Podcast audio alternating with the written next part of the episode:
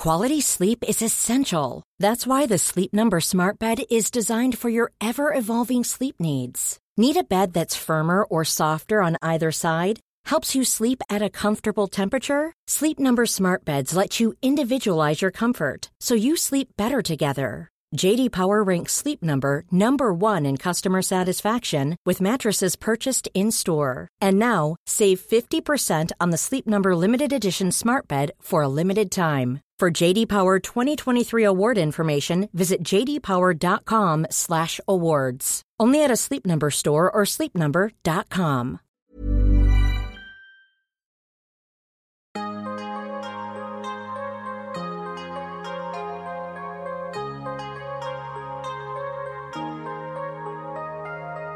Vores mentale sundhed er nedadgående, og det er til trods for, at vi aldrig har været rigere, aldrig har haft flere muligheder og aldrig har levet længere. Det skal vi tale om. Vi skal tale om alt det, der fylder inde i os. Min erfaring er, at når vi taler højt om de ting, så opdager vi, at der er mange andre, der bøvler med de samme ting. Jeg tror på, at vi kan lære af og inspirere hinanden ved at dele vores sårbarheder, erfaring og viden. Velkommen til Vores Mentale Sundhed, en Mindcare Collective podcast, hvor vi taler om store og små ting, der fylder inde i relateret til mental sundhed. Jeg håber, at du vil lytte med, og at du følger med på min Mindcare Collective profil på Instagram, hvor jeg deler indhold til refleksion, motivation og inspiration. Jeg hedder Lea Helmand.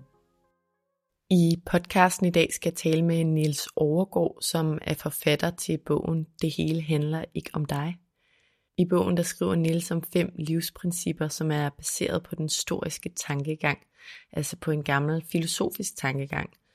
Og det lyder måske lidt langhåret, men det er det virkelig ikke. Niels gør det faktisk meget lavpraktisk og brugbart, synes jeg i hvert fald. Jeg har gennem tiden læst mange bøger, der relaterer sig til at have det godt i livet, og det tænker jeg også, at mange af jer derude har. Og jeg synes faktisk, at Nils bog er en af de bedste, jeg har læst på området. Jeg håber, vi kan få nogle af bogens mange enormt vigtige pointer frem i snakken i dag. Og ja, ellers så kan jeg jo kun opfordre jer til selv at læse bogen. Som I nok kan gætte, så er det ikke helt gratis at lave podcasts. Hvis I kan lide det, I hører i podcasten her, og gerne vil høre mere, så er I selvfølgelig altid meget velkomne til at støtte projektet ved at donere et valgfrit beløb via MobilePay til nummeret 155503, som I også skal finde i tekststykket her under afsnittet. Selv en tiger gør en forskel. Hej Niels Overgaard, velkommen til. Tak skal du have. Nils, jeg har øh, efterhånden haft en del gæster på besøg her i mit lille transportable studie, og øh, heldigvis så synes jeg, at alle bringer noget relevant og interessant til bordet. Men øh, jeg har personligt især glædet mig til at tale med dig i dag.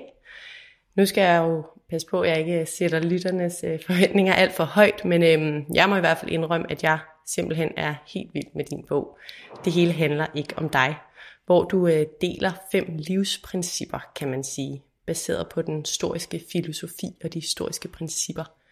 Og jeg synes helt personligt, at du med den bog kommer med en tilgang til livet, der giver rigtig god mening, og som på en måde er ret pragmatisk i forhold til, hvad vi reelt kan gøre for, ja, vel egentlig at få det bedste ud af tilværelsen og ud af livet. Og det er selvfølgelig de her fem principper fra din bog, som vi skal tale om i dag, og det glæder jeg mig til. Men inden vi dykker ned i det, Nils, så vil jeg gerne starte med lige kort introducere dig. Du er 41 år, du er far til to børn, du er uddannet journalist og arbejder lige nu som medie- og kommunikationschef i Gyldendal, hvor vi sidder i dag. Jeg har fået lov at komme herind på besøg. Og så er du jo som nævnt forfatter og også foredragsholder i forlængelse af, at du har skrevet den her bog. Du kalder dig selv for hverdagshistoriker, og så har du udtalt, at du personligt har gået i en masse terapi, og du har læst en masse selvhjælpsbøger, som jeg tror mange af os har. Men øhm, det er faktisk dit møde med stoicismen, der virkelig har gjort en forskel for dig, og for hvordan du møder livet og forsøger at få det bedste ud af det. Og du arbejder faktisk hver dag på at forsøge at integrere de her principper i dit liv. Niels, inden vi springer ud i, i snakken om din bog og de her principper, Kan du så ikke starte med lige at helt kort fortælle lytterne lidt om, hvem var stoikerne? Det øh, interessante ved dem er jo, især synes jeg, at de levede for flere tusind år siden, og på mange måder så havde de mange af de samme tanker og overvejelser, som vi moderne mennesker har i dag. Og det er jo både lidt skræmmende og ret inspirerende, synes jeg. Så kan du ikke starte med at fortælle lidt om dem? Hvem var de, de her historikere, bare kort fortalt? Jo, øh, det, kan du tro, og tak for de pæne ord om bogen. Det glæder mig jo enormt meget, når nogen øh, også får noget af det, ligesom jeg selv har, har fået.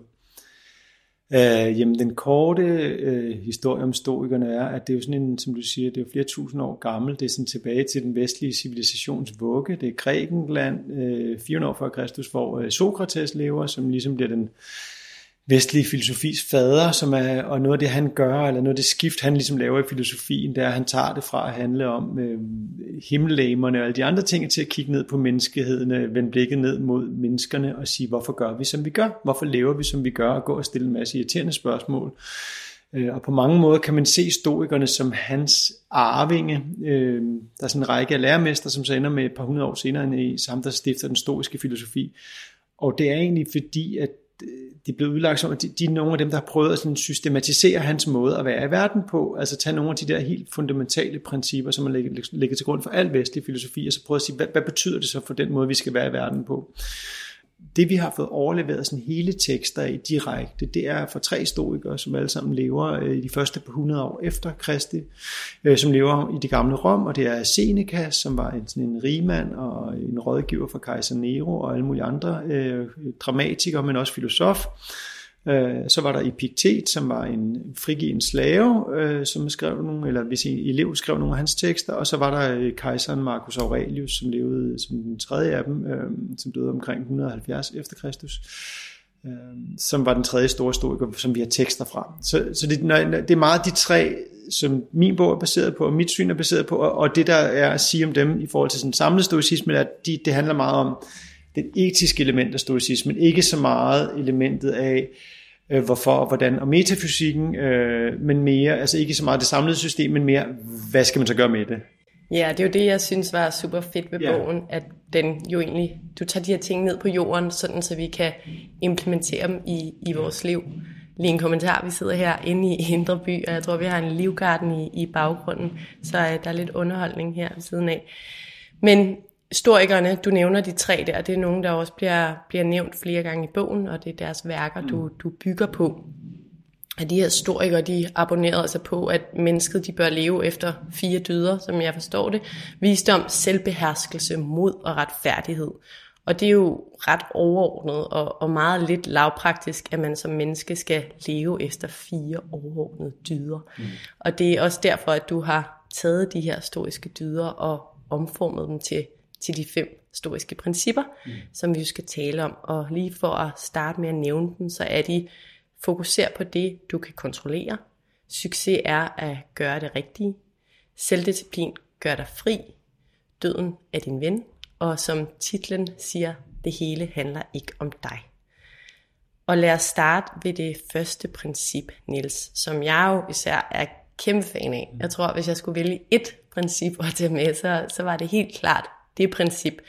Fordi ja, jeg tror, der er mange af os, der kender det her med, at vi bekymrer os rigtig meget.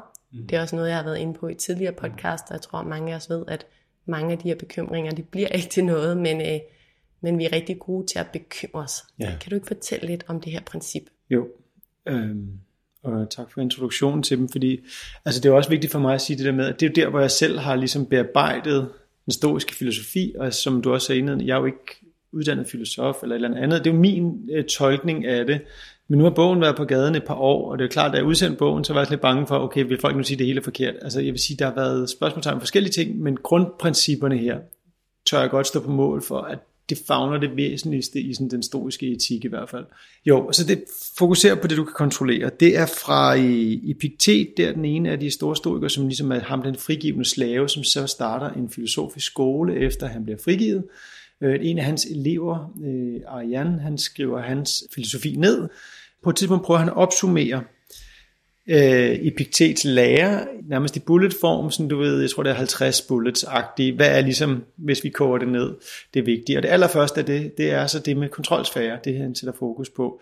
Og jeg er enig med dig i, det er måske det allervigtigste, hvis man ligesom kunne det til fulde, hvilket ingen kan, tror jeg, så var man allerede i mål, han har sagt, fordi så, så, så, så giver resten af verden sig selv.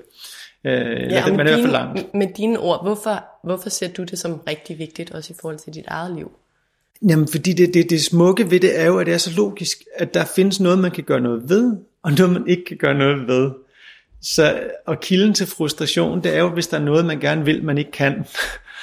øhm, så man ophæver jo ligesom den kilde til frustration, eller bekymring, eller besvær, eller ævelse, hvis man ligesom man eliminerer det spænd mellem verden, som den rent faktisk er, og verden, som man ønsker, at den skulle være. Den eliminerer man, hvis man lever inden for det.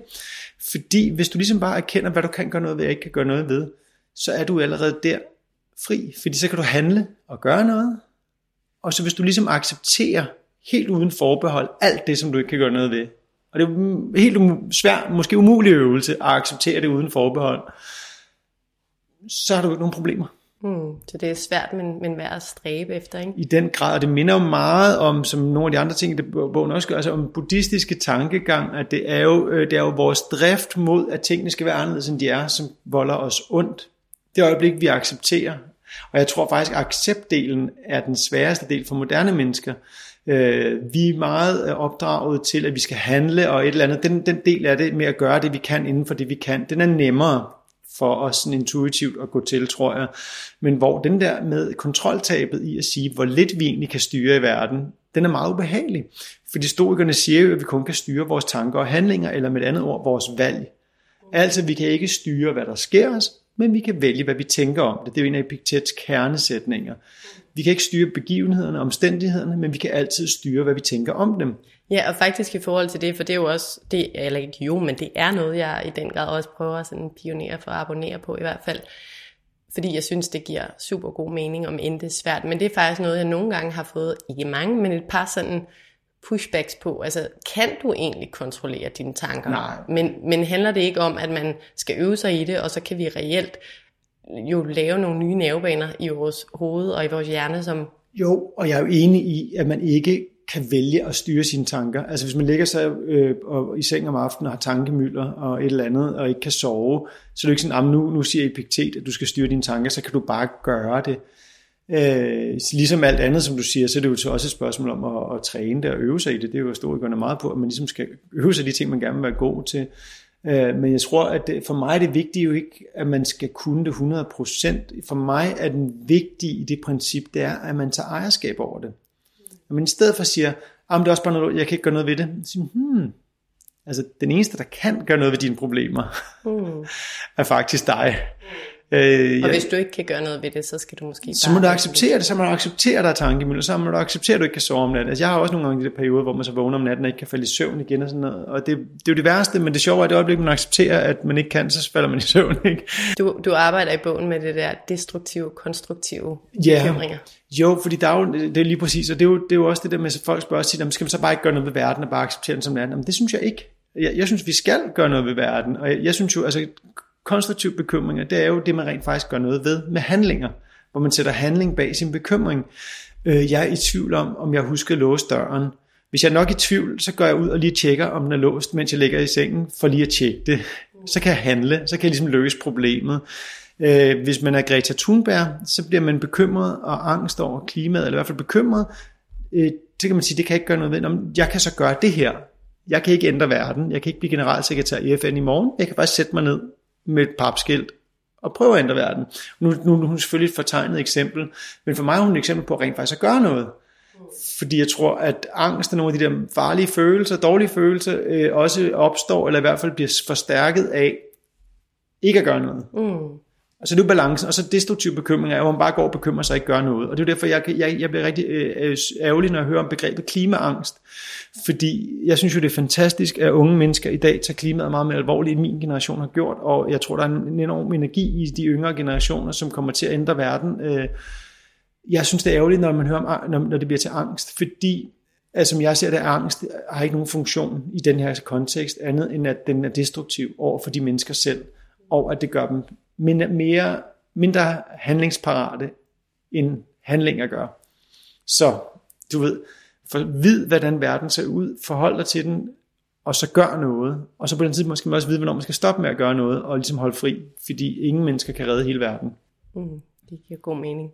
Når vi taler om det her, så øhm, kommer jeg også til at tænke på sociale medier, som du også er ja. inde på i din bog, fordi det er jo om noget der, hvor mange, og jeg tror måske især den yngre befolkning, kan, kan få en masse bekymringer, mm. som de egentlig ikke kan kontrollere, og uh, ting man gerne vil have, eller ting man gerne vil gøre, jo, så kan man jo så måske få de ting, eller gøre de ting, men det er jo ikke sikkert, hvis det handler om en eller anden mm. ideal krop, eller mm. ideal kæreste, eller et eller andet. Du er heller ikke synderligt positivt over, positiv over for sociale medier i din bog. Vil du ikke prøve at uddybe lidt om det? Jo, selvfølgelig. Øhm, altså jeg tror, jeg ved godt, jeg, jeg kan lyde lidt som en gammel mand i den der bog, og det er jo også på nogle områder. Altså, men jeg er jo ikke som sådan mod sociale medier. Altså, fordi sociale medier er et værktøj, og det kan bruges til gode ting, og det kan bruges til negative ting.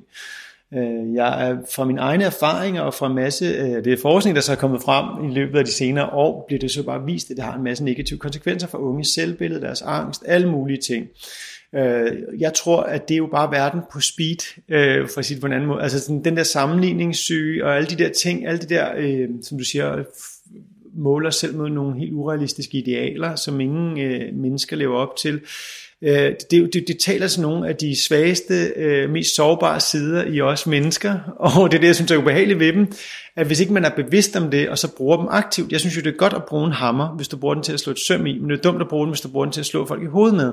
Og sådan ser jeg også på de sociale medier, jeg, den kan jo bruges til at forbinde sig til andre mennesker, den kan bruges til at udbrede gode budskaber, som, som dit projekt, eller min bog, bruger jeg jo også sociale medier til at, at sælge i citationstegn fordi jeg, vi jo hver især synes, at vi gerne vil dele noget med andre, som vi synes er, er, er vigtigt, og det gør alle mulige mennesker på alle mulige måder hele tiden. Så det er jo ikke fordi, det i sig selv er negativt, men jeg tror bare, det, har, det kan have en masse negative konsekvenser, og det kan føre en masse unødvendige problemer ind i ens liv, som man slet ikke havde, før at man, øh, man scrollede i sit feed. Når vi så taler om, om det her princip med, at ligesom bekymre dig om det, du kan mm. kontrollere, eller fokusere på det, du kan kontrollere, og sociale medier, og også helt generelt. Hvad er det så lavpraktisk, vi i din optik bør gøre for ligesom at leve eller implementere det princip? Jamen jeg tror jo, at jeg, altså det nemme er jo bare at logge af og ikke aldrig bruge dem, og det tror jeg ikke er særlig, altså det er jo ikke særlig mange, der kommer til at gøre. Altså vi kan, vi kan lige så godt leve i verden, som den er, i stedet for en eller anden idealverden, som ikke findes.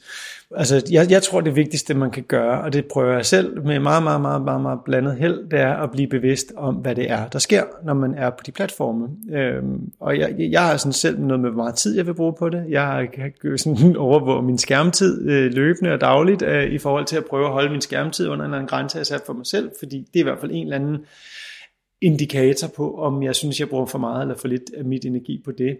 Og det andet er jo så den der med at være, observere, hvad det gør ved en at være på det, synes jeg jo også er en anden del af det, at altså, man kan jo godt få en dårlig følelse af at sidde og kigge på alle de andres perfekte liv, og alle er på ferie og et eller andet. Øh, det som jeg altid sådan selv minder mig om, det er jo, at, at det, det jo ikke er virkeligt. Altså vi har jo alle sammen prøvet at møde folk, hvor øh, man har fulgt dem på sociale medier, og det, det hele bare kører, og det hele kører ud af, så møder man dem i virkeligheden siger, at det hele går helvedes til. Mm. Ikke? Øh, min mor er død, og jeg er ved at blive skilt, og et eller andet. Ikke? Altså du ved, man, vi er sådan fortegnet, men vi kender det alle sammen, tror jeg, i forskellige grader. Og det synes jeg er værd at minde sig selv om, at folk jo ikke har, man har det jo ikke bedre, end man har det, uanset hvor i verden man er. Det, det er også inde på det næste princip. Øhm, og så endelig, så, så det der med, at jeg sådan, jeg synes, det der er rigtig svært ved sociale medier selv, det er jo, at man jo altid poster noget for at få noget respons. Altid.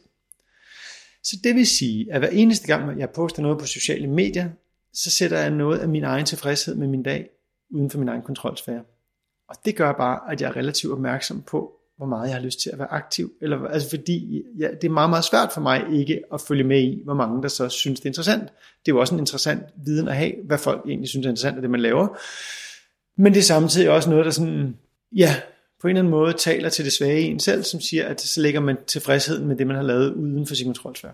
Ja, du, altså, du fortæller det også meget fint i bogen, og nu siger du det også, ikke, det der med, at vi kan kontrollere vores handlinger og tanker, og når vi poster noget på en story eller mm. i en post, så ligger, så, så har vi jo ikke den kontrol mere, fordi lige pludselig er alle dem, der liker eller reagerer på det, på en eller anden måde i kontrol. Vi de, har, de har indflydelse over dit humør, og det er ret ubehagelig tanke, når man sådan ser på det på den måde, fordi det er jo, man udliciterer til alle mulige mennesker, man ikke rigtig kender sin egen lykke.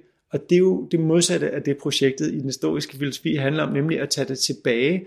Øh, der er sådan et citat, jeg er ret glad for for tiden. Øh, det er en fransk, øh, jeg ved ikke om han er filosof eller forfatter, som hedder Nicolas Chamfort. Han siger noget i retning af, lykken er en øh, svær ting. Den er meget vanskelig at finde hos sig selv, og umulig at finde andre steder. Der er kun et sted, du kan finde tilfredshed og glæde i livet, og det er ikke i det næste job, og det er ikke i dit tøj, det er ikke i din partner, det er ikke i alt muligt andet, det er inde i sig selv. Og den tankegang, øh, om man så lever helt op til den leg, er rigtig vigtigt at have, synes jeg. Og så, nu ved jeg godt, at vi er lidt lang tid ved det første princip, men som jeg ser det også der, hvor der er rigtig meget fylde. Hvis vi nu lige lægger øh, sociale medier lidt til højre, og bare sådan helt generelt i livet, mm. det her med at have destruktive og konstruktive mm. bekymringer. Hvordan minder du dig selv om det? Er det sådan hver morgen lige at huske dig selv på det, eller når du kan mærke en dårlig følelse, så husker du dig på det? Eller? Jamen altså alle principperne, alle fem gør jeg ligesom igennem i morgenbadet hver morgen. Og så tænker jeg over, og så prøver jeg at gøre det konkret og sige, hvad betyder det for min dag i dag? For ligesom at have et eller andet at hænge det op på. Så, så jeg, jeg, altså, jeg er jo sådan en relativ øh, vane, jeg er meget, meget vane mennesker, som er relativt slavisk i at prøve at forholde mig til det hver dag, og tænke, hvad, hvad kan det betyde for i dag?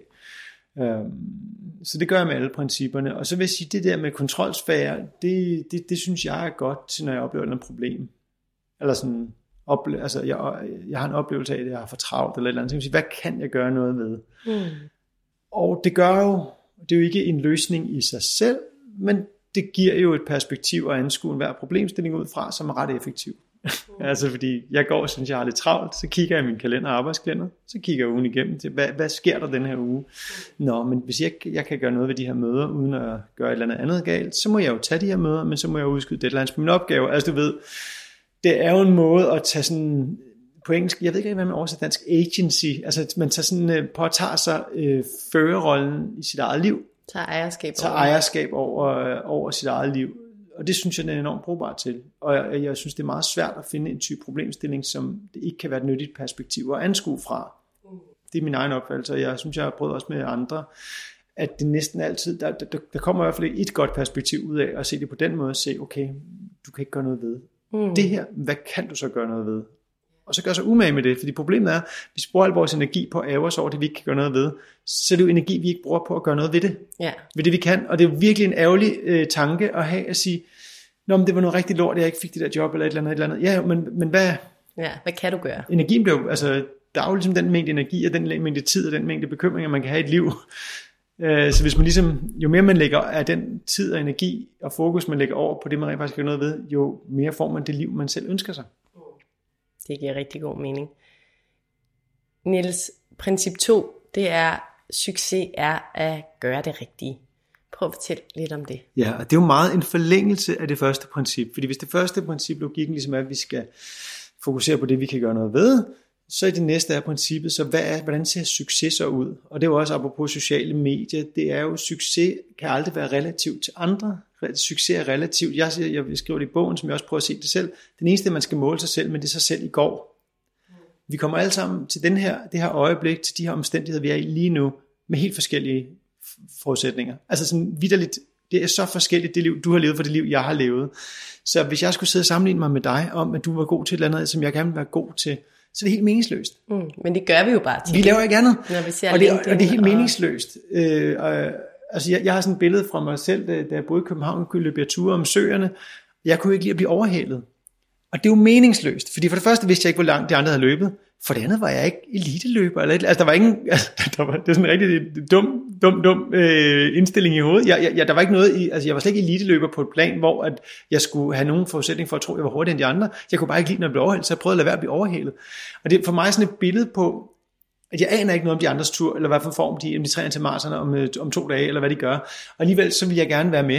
Og det er jo lidt sådan, mange af os lever i virkeligheden, fordi vi bliver ved at kigge på, hvad alle mulige andre gør. Jo jo, men hvis du bare er vokset op i uh, trygge rammer med godt selvværd, og bare har haft et perfekt liv indtil da, uden traumer, så er du sjovt nok bedre stillet til at opnå alle mulige ting i livet, end mig. Så derfor, øh, jo mere tid vi bruger på sociale medier på at se, hvordan andre klarer sig, det er jo tid igen, vi ikke bruger på at gøre noget ved det, vi kan. Og så synes jeg, det der med bare at kigge på sig selv i går, og så sige, Jeg kan ikke være perfekt menneske. Det kan godt være, at jeg har noget, jeg gerne vil stræbe efter, men jeg ved også, at jeg aldrig kommer derhen. Hvordan var jeg for et år siden? Er jeg en lille smule bedre nu? Jo, det synes jeg faktisk. Nå, men så er det jo fint nok.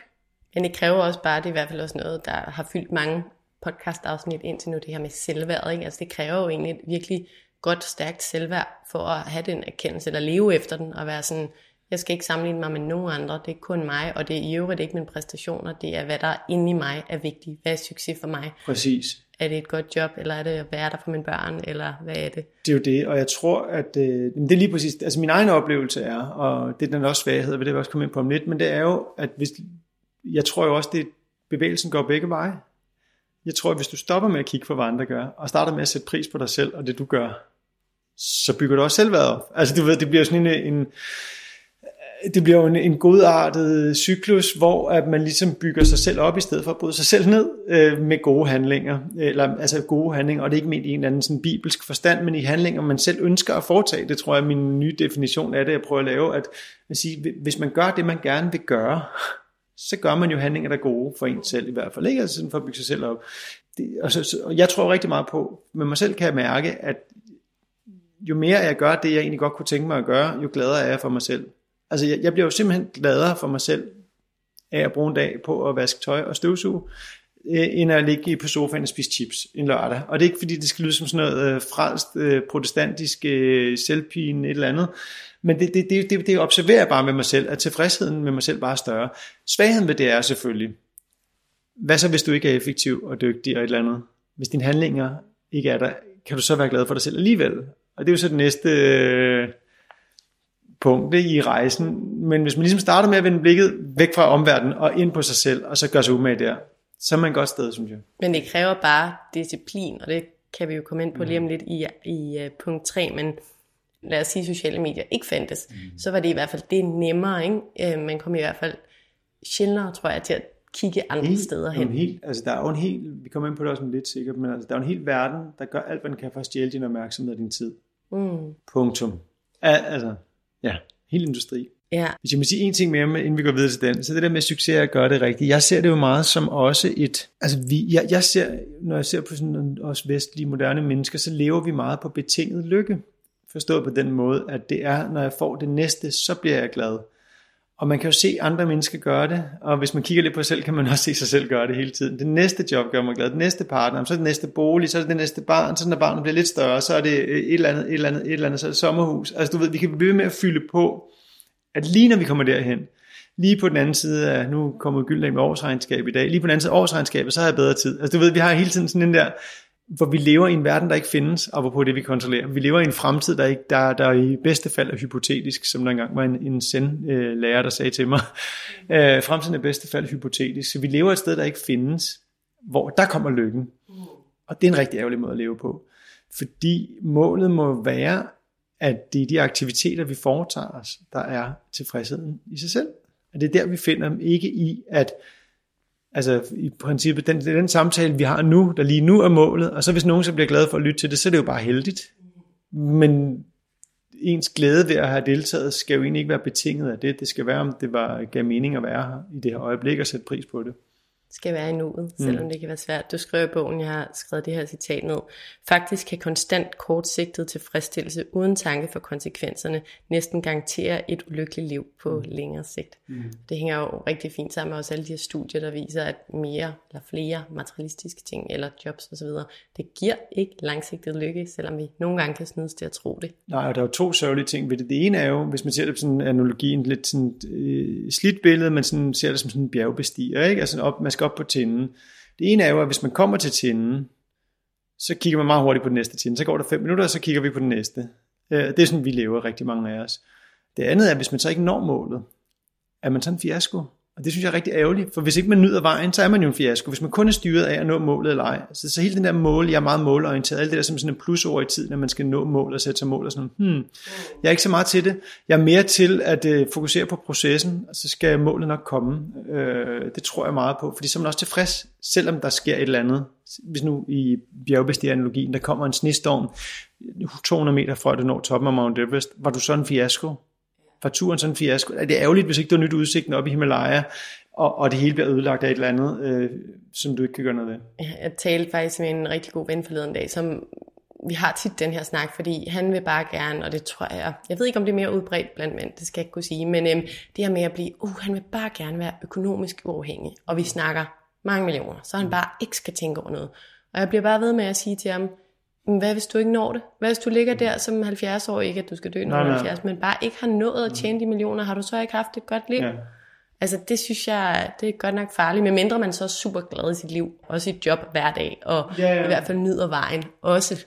Men det er det, jeg kan sagtens genkende. Jeg vil da hellere være økonomisk uafhængig, end at have det, som jeg har det nu. Det vil jeg da meget hellere, at have alle de millioner.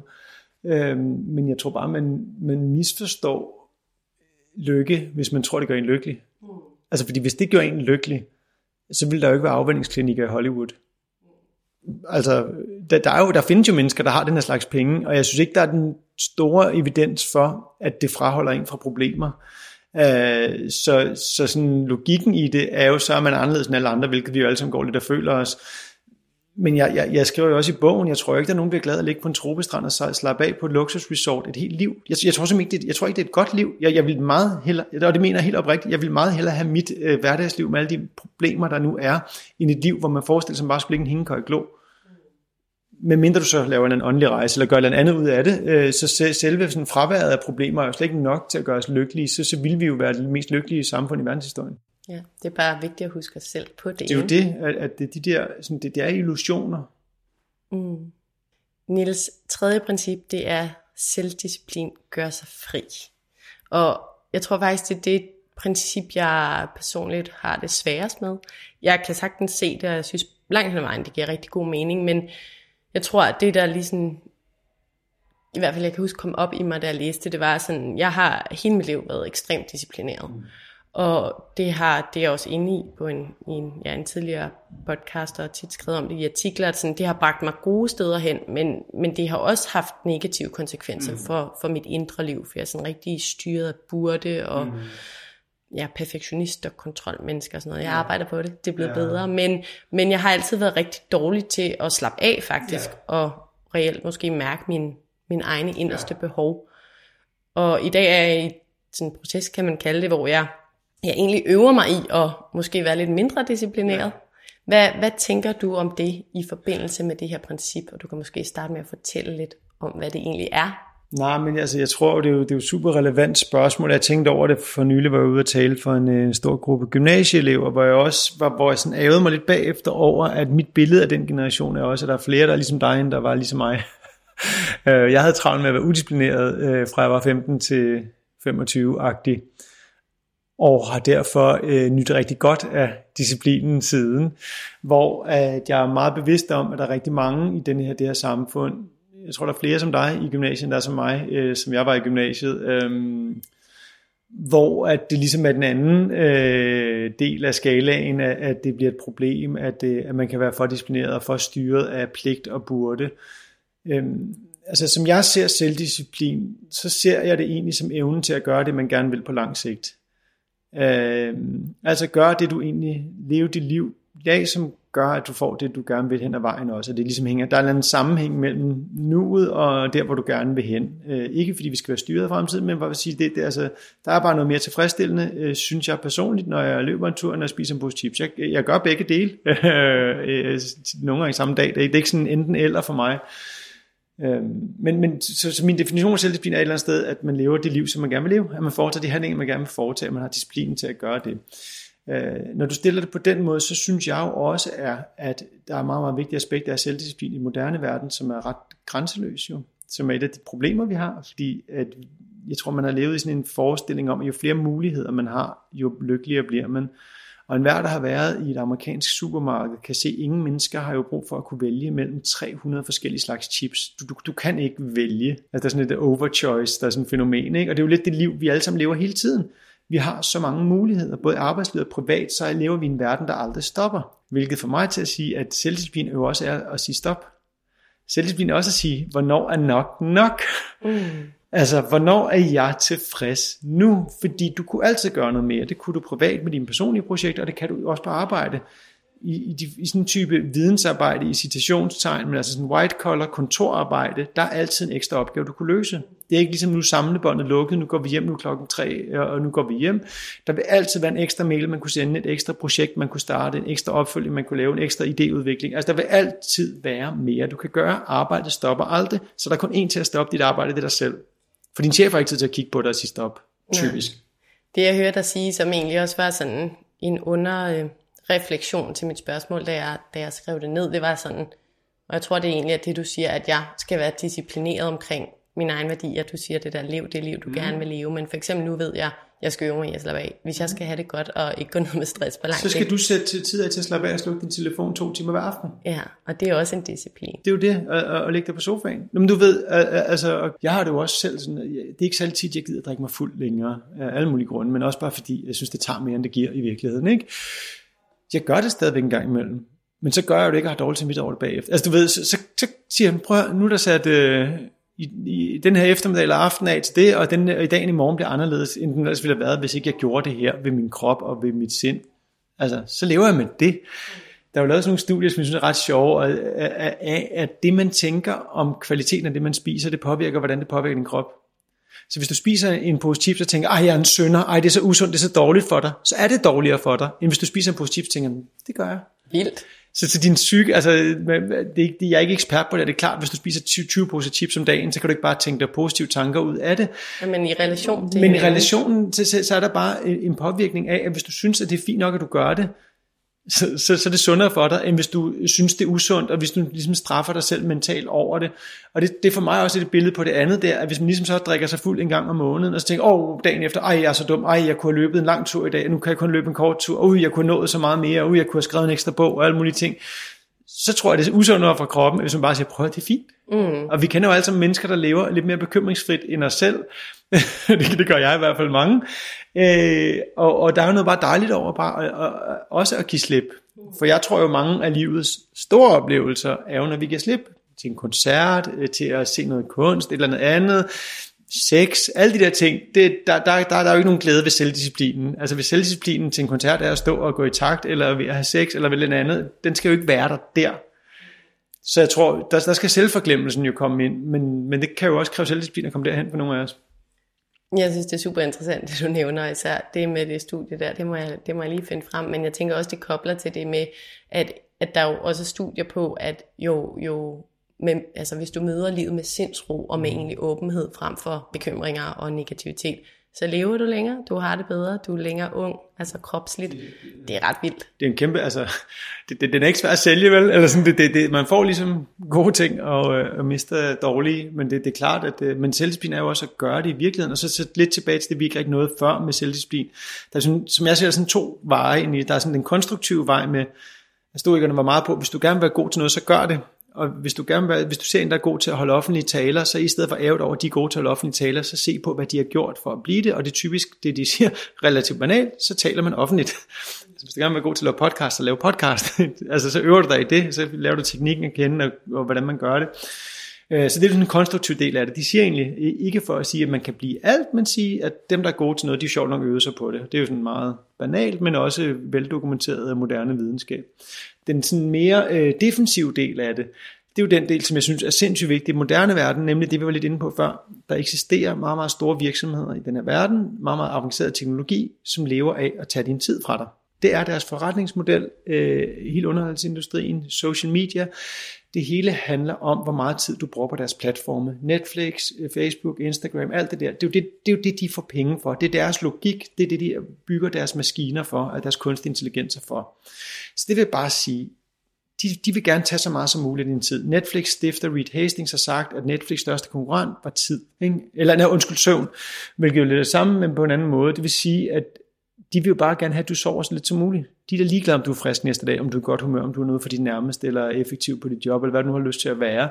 Han er fuldstændig ligeglad, og så laver de dejlig underholdning for det, og bygger alle de der forskellige ting ind i det, for at de kan give os mest muligt. Så det vil jo sige, at du kan leve et helt liv nu, hvor du er velunderholdt. Du kan leve et helt liv, hvor du er velunderholdt, og hvor du har kvalitetsunderholdning. Og, og så der skal du være disciplineret for at, at trække dig ud af dem. Du skal i hvert fald vælge selv, hvor meget du gider bruge på det. Og det, det er jo det, jeg opfordrer til, fordi det der, du kender, vi kender alle sammen dem, som har set alle de nye tv-serier, alle sådan, prøv, det, det, er jo fint nok, det kan, I starten var man nærmest stresset over, at man burde følge med, og nu er det bare sådan, prøv at nu er der så meget overflod, at man er ligesom nødt til at vælge, hvad, hvad for noget tid, hvad man vil bruge på hvad. Og det, og, og det jeg egentlig sådan meget tænker på, det, det er med selvdisciplin, det er jo over tid.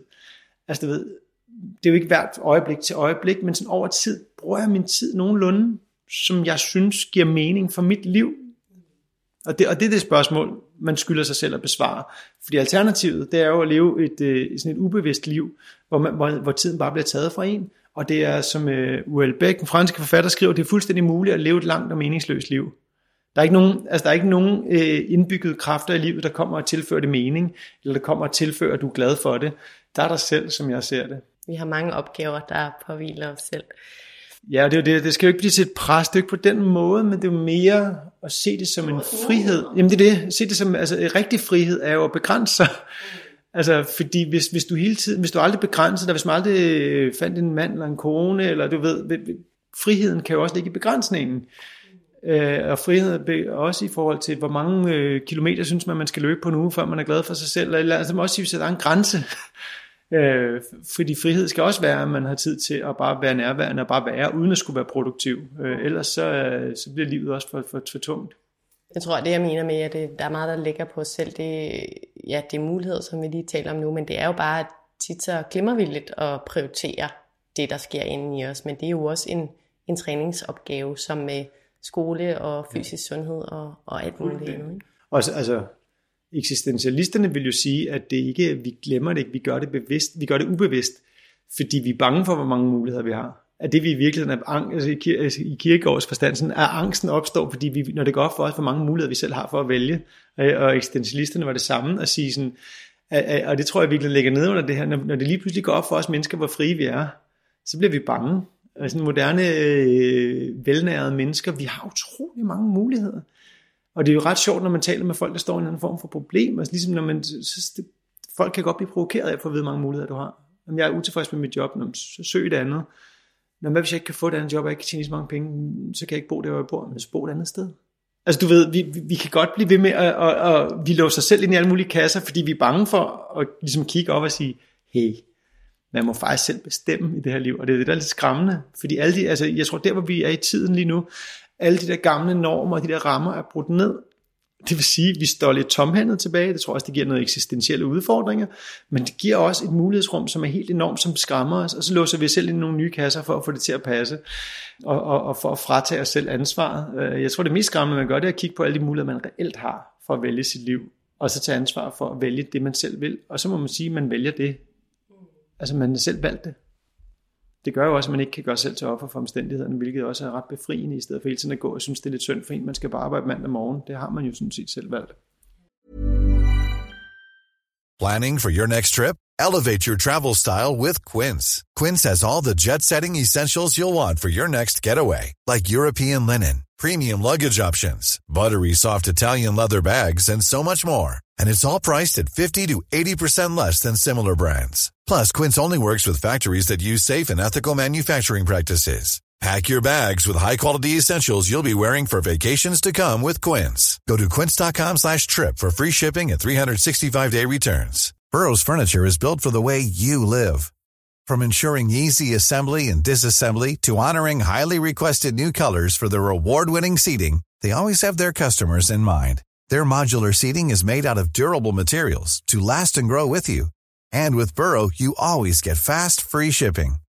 Get up to 60% off during Burrow's Memorial Day sale at burrow.com slash ACAST. That's burrow.com slash ACAST. burrow.com slash ACAST.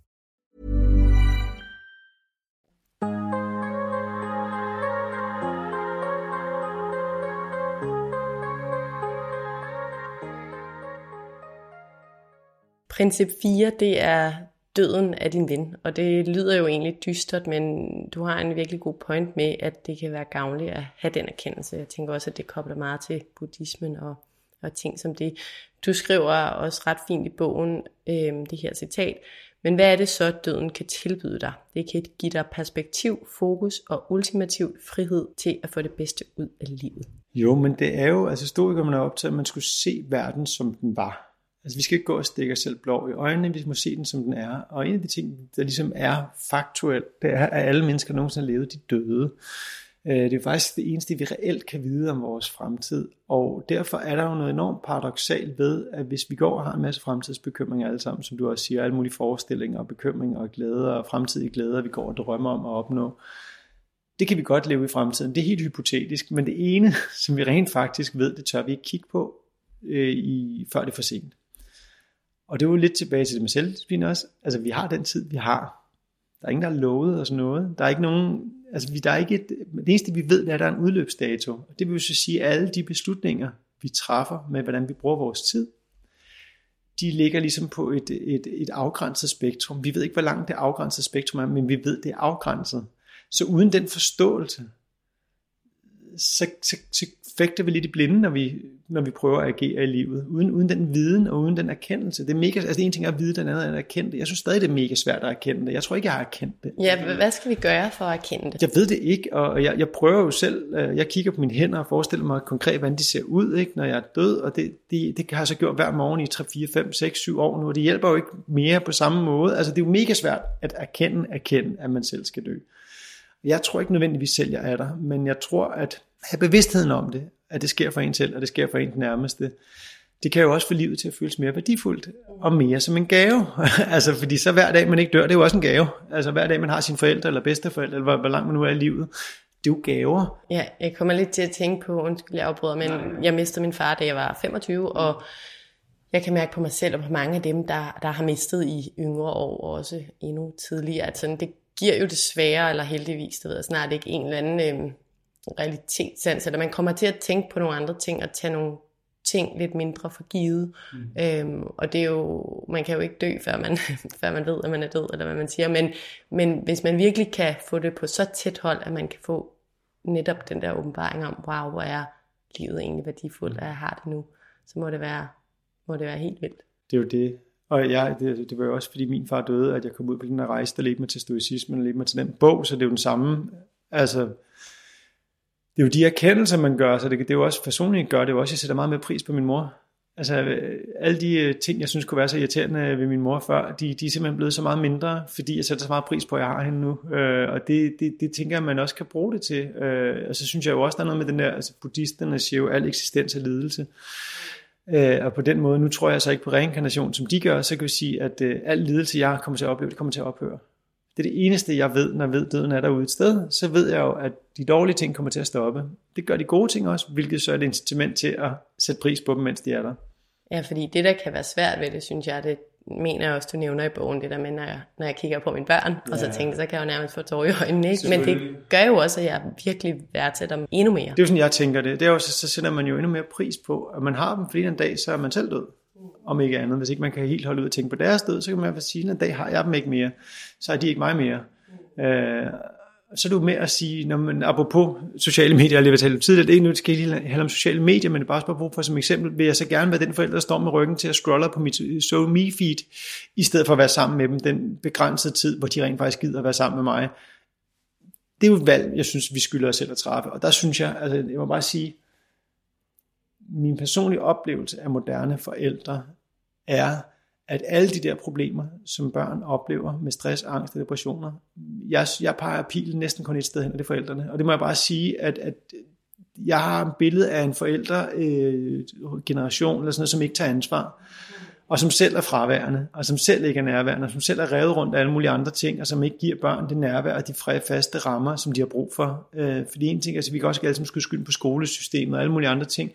Jeg, øh, jeg har sådan et billede af, at, øh, at vi er en generation af forældre, som øh, er med til at svigte øh, vores børn øh, med, med, med sådan pseudo-nærvær, hvor vi stadig sidder og kigger et andet sted hen, eller sidder i sofaen med vores blå skærm og arbejdscomputer, i stedet for rent faktisk at give dem noget nærvær, og så giver vi dem en skærm, for ligesom at bedøve dem det er ikke fordi, jeg tror, det er svaret på alt, men jeg siger, jeg synes, jeg, jeg, jeg oplever, at hvis, når børn og unge har det svært, så oplever jeg et svigt for voksne mennesker. Det er min grund, grundindstilling. Ja, jeg er meget enig, og jeg tror, at det der, eller det der er lidt det farlige, at det er jo nogle konsekvenser, vi først kommer, altså de er allerede i gang, og vi ser jo de her skrækkelige tendenser blandt småbørn, men det bliver jo kun værre, mm. så det er også derfor, vi, vi er nødt til at handle nu, ikke? altså få den her bevidsthed og virkelig tage det alvorligt. Er der andet, vi kan gøre for sådan at implementere det i livet, det her med, øh, du kigger på dine hænder, i, når du er i bad, og forestiller dig, hvordan de ser ud, når du, når du er død. Hvad kan vi gøre helt lavpraktisk? Jeg synes jo nogle gange det der med, sådan, der er alle mulige kunsten og litteraturen, og tilbyder jo sådan perspektiver, hvor man kan få følelsen lidt ind, ikke? Øh, film og musik. Altså der er jo alle mulige veje ind til vores følelsesregister, som kan måske give nogle erkendelser. Jeg har jo også sådan, jeg, da jeg kørte i bil til arbejde, det gør jeg heldigvis ikke længere, jeg tager toget, det er meget mere... Øh, bedre for, for psyken. Øhm, nå, men i bilradioen der, der er jo altid, der er jo trafikuheld hver morgen, indfaldsvejen til København der tænker jeg altid, der sad altid der, så tror jeg, så med i bogen, der sådan, jamen det, det, altså, det, det er sådan meget praktisk, om det er snart ryddet op, så nu, kan, nu er kun to spor åbne, men snart er tre spor åbne igen, men sådan jeg sagde, okay, altså, der er nogen, der kører galt der. Altså, der ligger nogen mast i noget metal lige nu, som måske døde, måske uh, handicappet, måske eller andet. Altså, nogle gange, de der realiteter, alle de ting, der sker i livet, den der, det kunne også ske for mig. Altså, den, den, den, den synes jeg også kan være brugbar. Altså, sige, når man hører om et eller andet, der tilfældigvis et eller andet, øh, Jamen det kan jo også ske for mig, fordi tilfældigheder findes rent faktisk. Jeg kan ikke bare foruddiskontere, hvis jeg spiser sundt og dyrker min motion, så bliver jeg 83,6 år gammel, eller hvor meget det er gennemsnitslevealderen for en mand i Danmark er i dag. Så den der, i stedet for at sige, det sker ikke for mig, så siger sådan, det sker for mig. Altså det, det, der er en risiko for, at det her sker for mig. Når jeg hører noget dårligt, tænker at det kunne jo også ske for mig. Er der noget i den her situation, der gør, at det ikke kunne ske for mig? Nej, det er der ikke, fordi tilfældigheder, altså der sker dårlige ting for gode mennesker hele tiden.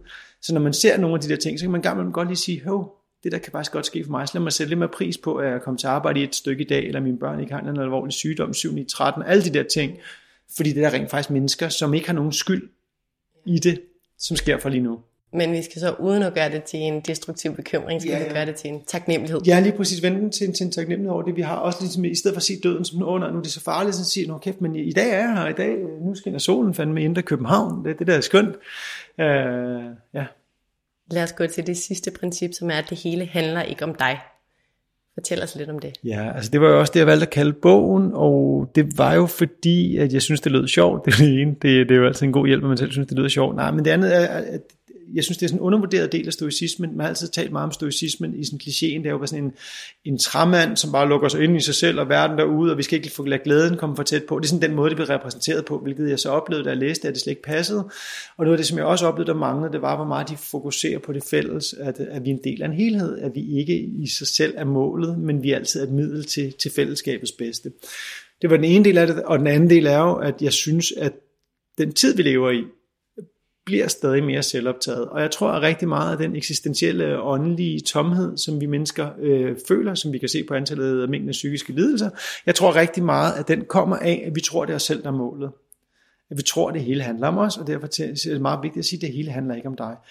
Det, jeg tror også, der er noget andet med, at jo, altså, jo mere vi kigger ned i vores egne navler, jo større bliver vores problemer jo også.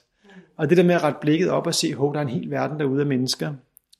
I Danmark er der alle mulige, der har det dårligere end mig i verden, globalt, historisk, har der aldrig været bedre mulighed for at være menneske, end dem jeg har. Så, du ved, så er det ikke så farligt. Det behøver det ikke være så farligt. Og så, og så hvis man fokuserer mere på, at man er en del af et fællesskab og ser sig selv mere, jeg kan godt lide at bruge billedet som en, som en celle i en organisme, en hele organismen. Hvis man ser sig selv mere sådan, så, øh, så ændrer ens verdensbillede sig en lille bit smule. Øh, og, og når man ser sådan danskere, det er også derfor, jeg, synes, jeg nyder at stå og grine af folk i, i køen i supermarkederne og sådan noget, for den der frustration, danskere kan få, hvis ikke lige de kommer hurtigst nok frem og et eller andet. Altså den der sådan, der er virkelig mange, som lever livet som om, at det handler om dem. Øh, I de små og i de store, øh, hvor man bare må sige, nej, det gør det ikke. Og der, du er ikke vigtigere end nogen som helst andre mennesker på den her planet, eller i øvrigt, øh, kunne man sige langt hen en dyr, hvilket så er en anden, øh, en anden diskussion, men, men altså, du er ikke vigtigere end de andre, og det, det er nok det sundeste, vi kan lære vores børn, apropos øh, opdragelse og så videre, at lære dem, at det er det gode ved, ved de øh, børneinstitutioner, så det er jo, at de skal lære at indgå i et fællesskab, at det ikke bare får mor og fars uddelt opmærksomhed hele tiden, for jeg tror ikke, den opmærksomhed i sig selv heller altså det er en balance, men, øh, men jeg tror, det er godt at lære at indgå i et fællesskab. Jeg tror, det er sundt for os mennesker at gøre det. Eller det er jo også bevist, så det tror jeg ikke jeg behøver at sige tror. Det, det er relativt det er vel dokumenteret. Relationer er det, der reelt kan gøre os lang, langsigtet lykkelige. Jeg mener også, det i det afsnit, du nævner det her spørgsmål, som jeg er stor fan af med, kan du huske, hvad dine oldeforældre, jeg lover det, hvad hed de, og hvad lavede de, og de færreste af os kan nok, og det giver bare en, en meget god kendelse af, prøv at høre, du er her nu, du er noget for dine relationer nu, du er noget for dine børn forhåbentlig, og nok også for dine børnebørn, og måske for dine oldebørn, men så er du væk, og, og det er jo også okay, Så nyd nu. Det er jo det. Med dig selv og dem, der er tæt på dig. Ikke? Jo, og det er jo også det der med at sådan kigge også på sin egen slægt og de der ting. Det er jo også at se sig selv. Altså, fordi man kan godt, øh, man vokser ind i verden, og så, så indtil man har en vis alder, så er man jo bare verdens navle. Men at se sig selv mere som en kæde, altså jeg synes også, der er noget smukt over det der, sådan, altså det der sådan historiske i det, at, at, at der, der er virkelig mange mennesker, der har overlevet, der er virkelig mange mennesker, der har knoklet i livet på alle mulige forskellige måder, i generationer, generationer, generationer, for at jeg kan være her nu der er virkelig mange, der har haft meget, meget dårlige liv, og meget, altså hårde livsvilkår, og været heldige i alle mulige situationer, for at de kunne leve længe nok til at reproducere sig, øh, både tilbage på savannen, men også i bundesamfundet. Alle de der hårde liv, som min egen slægt, mit eget kød og blod har gennemlevet, for jeg kan være her nu. Og det viser jo så også igen, så viser du sin egen rolle i livet, at man ikke er den der sol inde i midten af, af solsystemet, som det hele drejer sig om, men man mere er en lille kæde, både sådan, øh, på en tidsmæssig skala tilbage i tiden og frem i tiden, og så på sådan øh, det horisontale akse øh, ud mod andre mennesker.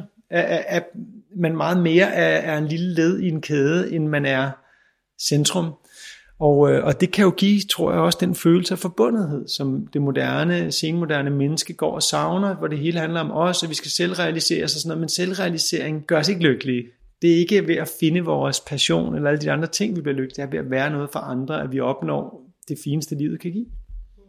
Det skal vi tage med videre. Vi har næsten tårer i øjnene her i studiet. vi er lige ved at være ved vejs ende, men lige inden jeg stiller det aller sidste spørgsmål, så vil jeg gerne stille et spørgsmål, som jeg ret godt kan lide at stille folk uafhængigt, hvad vi egentlig taler om. Øhm, mening med livet. Hvad er det for dig, Niels?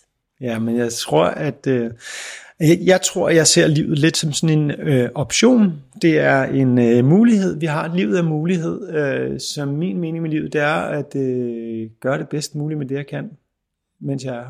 Og øh, det vil jo sige, det er jo ikke sådan et det er jo i forhold til mine relationer, i forhold til mig selv. At se, hvor meget jeg kan få ud af den her eksistens. Hvad, hvad, hvad, hvad for nogle oplevelser, hvad, øh, hvad jeg selv kan få ud af det, og hvad jeg kan give videre til andre. Det tror jeg er min mening med livet. Men et eller andet sted tror jeg jo på, når det er sagt, jeg tror, at livet et eller andet sted, jeg, jeg er jo lidt på eksistentialisternes hold her, jeg tror, at livet er meningsløst. Jeg tror, at det er op til os selv at tilføre livet mening. Og øh, det synes jeg er et spændende projekt at leve et liv, som man oplever som meningsfuldt, selvom det en eller anden dag brænder solen ud, og så dør al eksistens alligevel. Men mindre vi har rejst til et andet solsystem, så, så er faktum, naturvidenskabelige faktum, er, at vi alle sammen, alt liv dør, som vi kender. Ligesom det kom til lige pludselig, så kommer det også til at udgå lige meget mange generationer, så drejer sig om.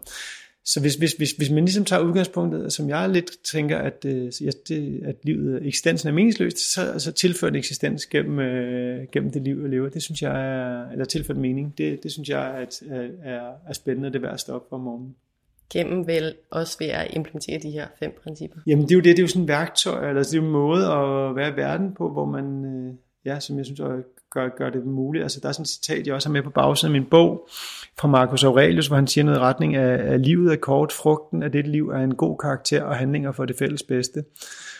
Og det opsummerer lidt stoicismen for mig, altså vi skal vide, det er et kort liv, og så frugten af det her liv, det er en god karakter, og det er jo det, som jeg også taler om her, det er sådan ligesom at opbygge sig selv til at sådan være det, man gerne vil være, opleve, opnå det, man gerne vil opnå, øh, ikke så meget på det ydre som på det indre, og så være noget for andre, så, øh, så, der, altså, så der er nogen, der savner en, når man dør.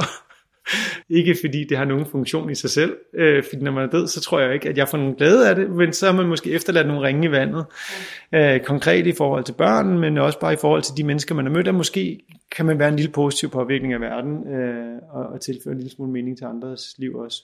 Det giver rigtig god mening.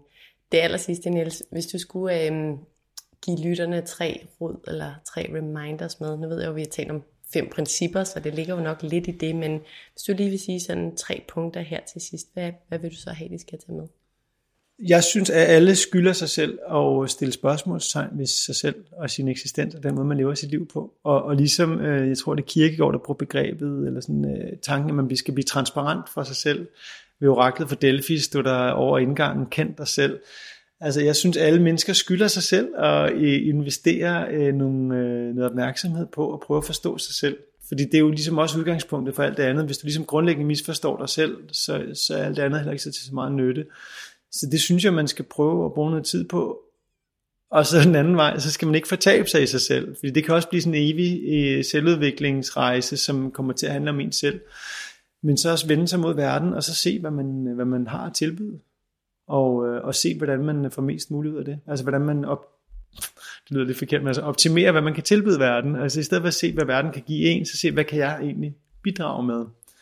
Øh, det tror jeg er en, øh, det er en sund øvelse at lave, at se, hvad, hvad er det for noget med det, jeg nu er kommet til verden med, at komme til det her øh, tidspunkt i mit liv på, hvad er det så, jeg kan bidrage med mest muligt. Mm.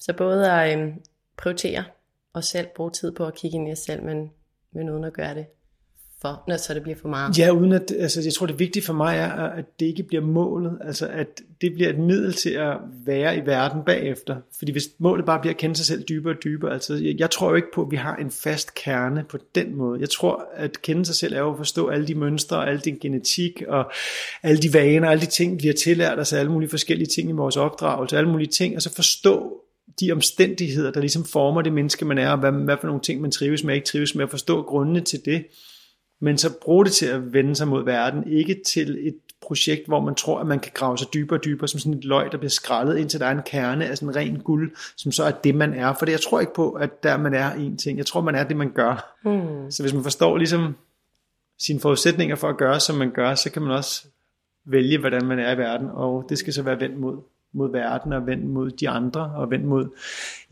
som Bibelen vil sige, sin næste, i stedet for sig selv.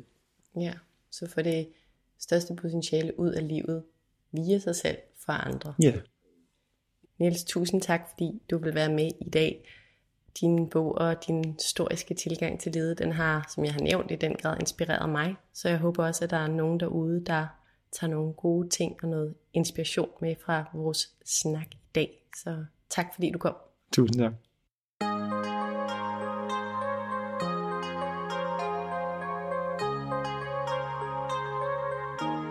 I snakken med Niels i dag, der gik vi selvfølgelig mere overordnet end i hans bog igennem hans fem historiske livsprincipper. Det er nogle principper, som jeg i hvert fald personligt synes giver rigtig god mening at leve efter i konteksten af at få meget ud af livet og i konteksten af at passe på vores mentale sundhed. Jeg tænker, at jeg lige helt kort vil opsummere Nilses fem principper. Så det første, det er altså at fokusere på det, du kan kontrollere – det er noget, jeg tror, at dem af jer, der følger med på Mindcare Collective på Instagram, ved, at jeg er stor fortaler for. Jeg siger ikke, det er nemt at anerkende og leve efter, at vi kun kan kontrollere vores egne handlinger og vores egne tanker. Men hvor kan vi dog undgå mange bekymringer og meget tid brugt på de her bekymringer, hvis vi dropper at fokusere på alt det, vi ikke kan kontrollere. Det synes jeg i hvert fald selv. Det kan for eksempel være potentiel eller eksisterende sygdom, eller hvad andre folk har, eller hvad andre folk gør, eller hvad andre folk laver. Og ja, listen er egentlig ret uendelig. Det er i hvert fald et princip, der i den grad virker for mig. Det andet princip, succes, er at gøre det rigtige, er også vigtigt at huske på i den her perfekthedskultur, vi lever i. I den her verden, hvor alt går hurtigt, og hvor vi konstant kan sammenligne os med alt og alle. Vi skal prioritere tid til at mærke efter, hvad der reelt inderst inde er succes for os hver især, og så skal vi gå efter lige netop den succes i livet, uafhængigt af, hvad andre folk mener og samfundet mener, succes er. Det tredje princip, disciplin gør dig fri, det handler grundlæggende om, at vi ikke skal tro, at alt bare kommer til os sådan uden videre. For at blive rigtig gode til noget og nå et sted hen, så skal vi være disciplineret. Som vi talte om i podcasten, så kan det også betyde, at vi skal være disciplineret i forhold til at tage os selv og vores mentale sundhed alvorligt, og i forhold til at tage det med ro, i forhold til at huske at tage vores pauser og give vores krop og sind ro. For det kan reelt også være det, vi mangler i forhold til at nå til det, som vi definerer som succes, som jo kunne være at have det godt indeni. Pointen er i hvert fald, at vi skal være disciplineret i forhold til de ting, der vil føre os hen til netop den succes, vi har defineret for os selv. Det fjerde princip, døden af din ven, er med til at huske os på, at vi skal nyde det, der er lige nu, så meget som vi kan. Princippet i sig selv kan jo lyde lidt dystert og trist, men at tænke på, at det hele en dag vil være slut, det kan få os til at værdsætte det, vi har endnu mere. Og så er der det femte princip, det hele handler ikke om dig. Og vi er jo egentlig centrum i vores egen verden, og det skal vi til en vis grad også være – men det Nils peger på med det her princip, det er, at vi kan finde en ro og egentlig også en værdsættelse af nuet ved at acceptere, at vi er en lille del af en større helhed. Og han mener altså, at vi skal give det bedste af os selv til den helhed. Og det kan jeg godt føle. Vi skal også huske det her princip, når vi bruger vores smartphones, for når vi bruger dem, så fjerner vi os fra fællesskabet. Og fællesskab og relationer er det, som nærmest alle peger på, er en af de grundlæggende og essentielle ting, der giver os langvarig glæde i livet, som vel er noget, vi alle sammen stræber efter.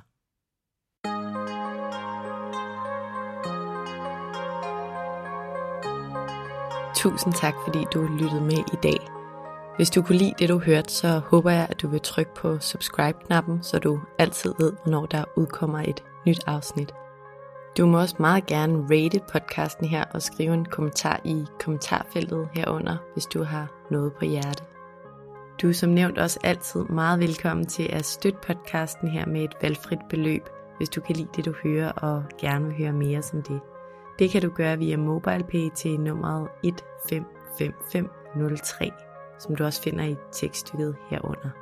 Som det aller sidste, så vil jeg også opfordre dig til at skrive til mig, hvis der er nogle særlige emner, du rigtig gerne vil høre om i relation til mental sundhed og til det, der fylder inden i os. Enten fra et ekspertperspektiv eller igennem en personlig beretning. Skriv til mig via min Instagram-profil, Mindcare Collective, hvor jeg i øvrigt håber, at du følger med, eller skriv til mig via min hjemmeside mindcarecollective.com. Tak fordi du lyttede med.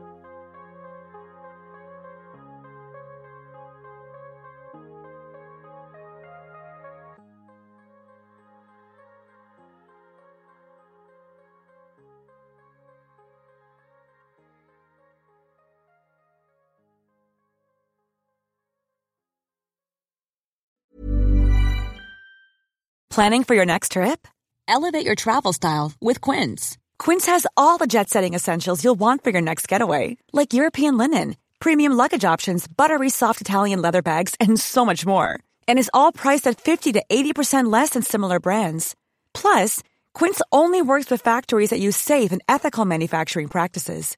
Pack your bags with high-quality essentials you'll be wearing for vacations to come with Quince. Go to quince.com slash pack for free shipping and 365-day returns. Mom deserves the best, and there's no better place to shop for Mother's Day than Whole Foods Market. They're your destination for unbeatable savings, from premium gifts to show-stopping flowers and irresistible desserts. Start by saving 33% with Prime on all body care and candles. Then get a 15-stem bunch of tulips for just $9.99 each with Prime. Round out Mom's menu with festive rosé, irresistible berry chantilly cake, and more special treats. Come celebrate Mother's Day at Whole Foods Market